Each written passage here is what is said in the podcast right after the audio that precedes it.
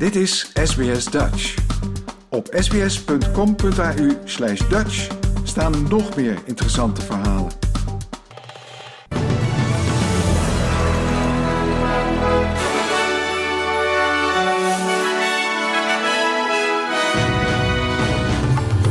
Dit zijn de headlines van het SBS Dutch nieuwsbulletin van zaterdag 11 februari.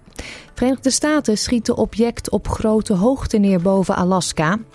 Dodental aardbevingen in Turkije en Syrië blijft stijgen. En Nederland niet langer afhankelijk van Russische brandstof.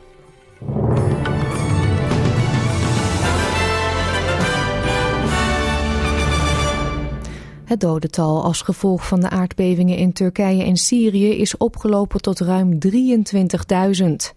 De bevingen zijn daarmee de zevende meest dodelijke natuurramp van deze eeuw. In Turkije is nog steeds één Australiër vermist. Een team van Australische reddings- en bergingsexperts zijn vandaag in het rampgebied aangekomen om de Turkse autoriteiten te helpen. Het ministerie van Buitenlandse Zaken zegt dat het hulp verleent aan zo'n 60 Australiërs en hun families die direct door de aardbevingen zijn getroffen. Miriam Watt, werkzaam voor de Australische hulporganisatie ADRA, is in de Syrische hoofdstad Damascus en sprak met SBS Nieuws. We've been able to provide over 5,000 ready meals, uh, mostly for people who are staying in the collective shelters at the moment. Uh, today we'll have another distribution of uh, 500 uh, food parcels, and we've just received additional funding to be able to, to continue that. Uh, in Latakia, we are trying to focus on the rural areas where not so much assistance has been able to reach so far. Vanmorgen is bekend geworden dat een tweede Australiër is omgekomen bij de aardbevingen. De 69-jarige Suat Bayram uit Melbourne was op vakantie in Turkije. In een bericht op Facebook zegt zijn dochter dat ze kapot is van het nieuws. Bij een gewelddadig steekincident in een huis in Wyndham Vale in het zuidwesten van Melbourne zijn twee mannen om het leven gekomen. Een derde man vecht voor zijn leven in het ziekenhuis. De politie heeft geen details vrijgegeven over de identiteit van de betrokken mannen of de omstandigheden van het incident. Rechercheurs van de afdeling moordzaken doen onderzoek. Uit nieuwe cijfers blijkt dat er afgelopen jaar twee keer zoveel klachten zijn ingediend wegens vermeend wangedrag door gezondheidswerkers als het jaar daarvoor. Landelijk heeft de Australian Health Practitioner Regulation Agency in het afgelopen kalenderjaar 344 meldingen geregistreerd. Dat zijn er 180 meer dan in de 12 maanden daarvoor. Mislukte behandelingen, ongepaste seksuele relaties met patiënten en het ten onrechte afgeven van vaccinatievrijstellingscertificaten zijn enkele van de ernstige zaken die zijn doorverwezen naar tribunalen. Het Pentagon heeft boven Alaska een object neergeschoten ter grootte van een kleine auto. Op verzoek van president Joe Biden hebben straaljagers het, object neergehaald dat op iets meer dan 12.000 meter hoogte vloog in het uiterste noordoosten van Alaska, eh, vlak bij de Canadese grens. Een paar dagen geleden schoot de VS een Chinese surveillanceballon neer voor de kust van South Carolina.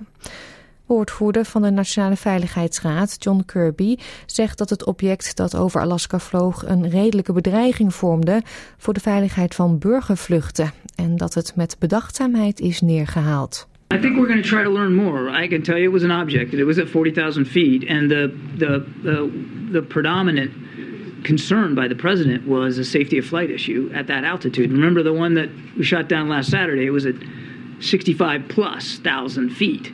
Um, so no threat to civilian aircraft. This one at 40,000 feet could have posed a, a, threat to civilian aircraft, and it did not appear to have uh, the maneuverable capability that the other one did. Het object had geen mensen aan boord. Het Amerikaanse Federal Bureau of Investigations, kortweg de FBI, heeft met toestemming een huiszoeking uitgevoerd in het huis van de voormalige Amerikaanse vicepresident Mike Pence. Vorige maand werden in zijn huis geheime documenten gevonden. Mike Pence is ook gedagvaard door de speciale counsel dat toezicht houdt op de onderzoeken naar voormalig president Donald Trump en zijn bondgenoten die geprobeerd zouden hebben de verkiezingsuitslag van 2020 ongedaan te maken.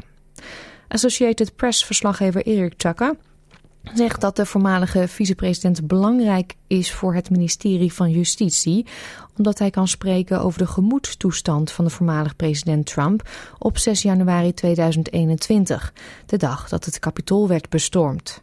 These developments, the subpoena and the FBI search, are coming as many expect Mike Pence to enter the 2024 presidential race, which would pit him against Donald Trump, the former president. And so it is impossible to untangle the legal and political implications here because there's a lot that's happening in the weeks and months ahead in the political realm about Mike Pence's potential 2024 candidacy. And so this is all happening at a very interesting moment. Op dit moment lopen er ook nog onderzoeken naar voormalig president Donald Trump en de huidige president Joe Biden vanwege het bewaren van geheime documenten. Rusland heeft gisteren een raketaanval uitgevoerd op Oekraïne, waarbij drones doelen in verschillende delen van het land hebben bestookt. Oekraïense functionarissen zeggen dat raketten over het luchtruim van Moldavië zijn gevlogen. En volgens de Oekraïense president Volodymyr Zelensky hebben enkele raketten ook Roemenië bereikt. Maar dat wordt door Rusland ontkend. Naar verluid was de Oekraïense hoofdstad Kiev het doelwit van de aanvallen. Het stadsbestuur van Kiev zegt dat de luchtmacht erin geslaagd is om tien raketten boven de stad neer te schieten. Delen van een raket beschadigden twee auto's, een huis en elektriciteitsdraden, maar er vielen geen slachtoffers. Ook belangrijke infrastructuur in Kharkov, de op één na grootste stad in het noordoosten van Oekraïne, werd getroffen. Daarbij zijn zeven mensen gewond geraakt. Tenminste zes mensen, onder wie drie kinderen, zijn omgekomen toen een gebouw in het noorden van Egypte instortte. Voorafgaand aan de instorting vond een explosie plaats.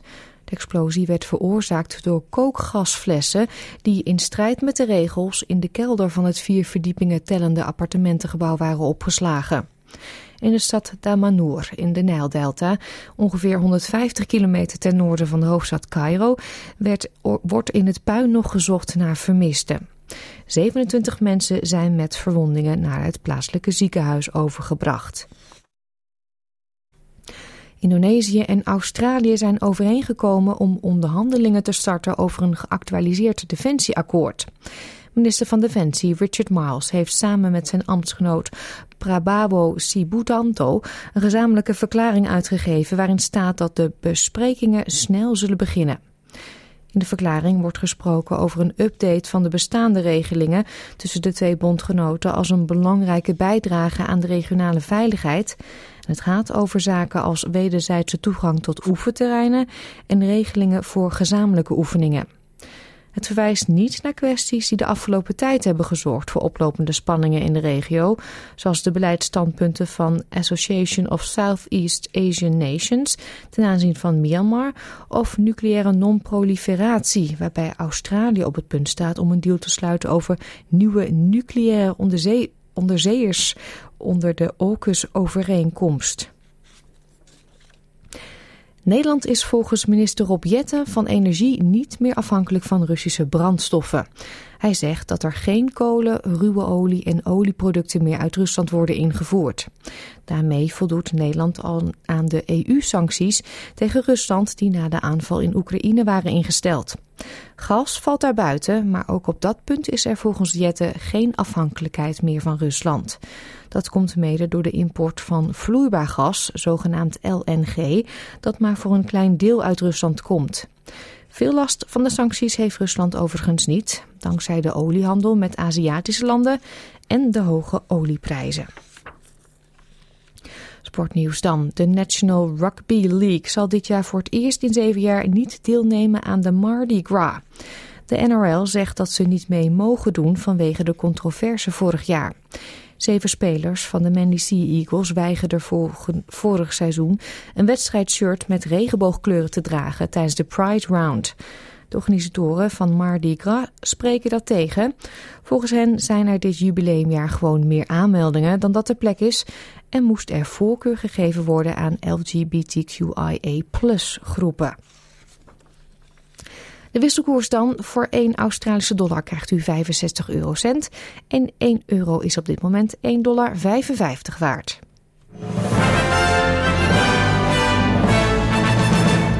Dan kijken we nog even naar de weersverwachting voor vandaag. In Perth is het zonnig en wordt het 30 graden. Adelaide gedeeltelijk bewolkt, 25. Het is overwegend, zonnig in Melbourne bij 29 graden. Hobart, daar een paar buien, 25. Een zonnige dag voor Canberra, 32 graden daar. In Wollongong is het overwegend zonnig, 30. Sydney ook zonnig, 32. Ook in Newcastle veel zonneschijn, 33 graden. Brisbane zonnig, ook 33 graden daar. Een paar buien in Cairns, 31. En in Darwin kans op onweer en zware regen. Het wordt daar vandaag 31 graden. Dit was het SBS Dutch News.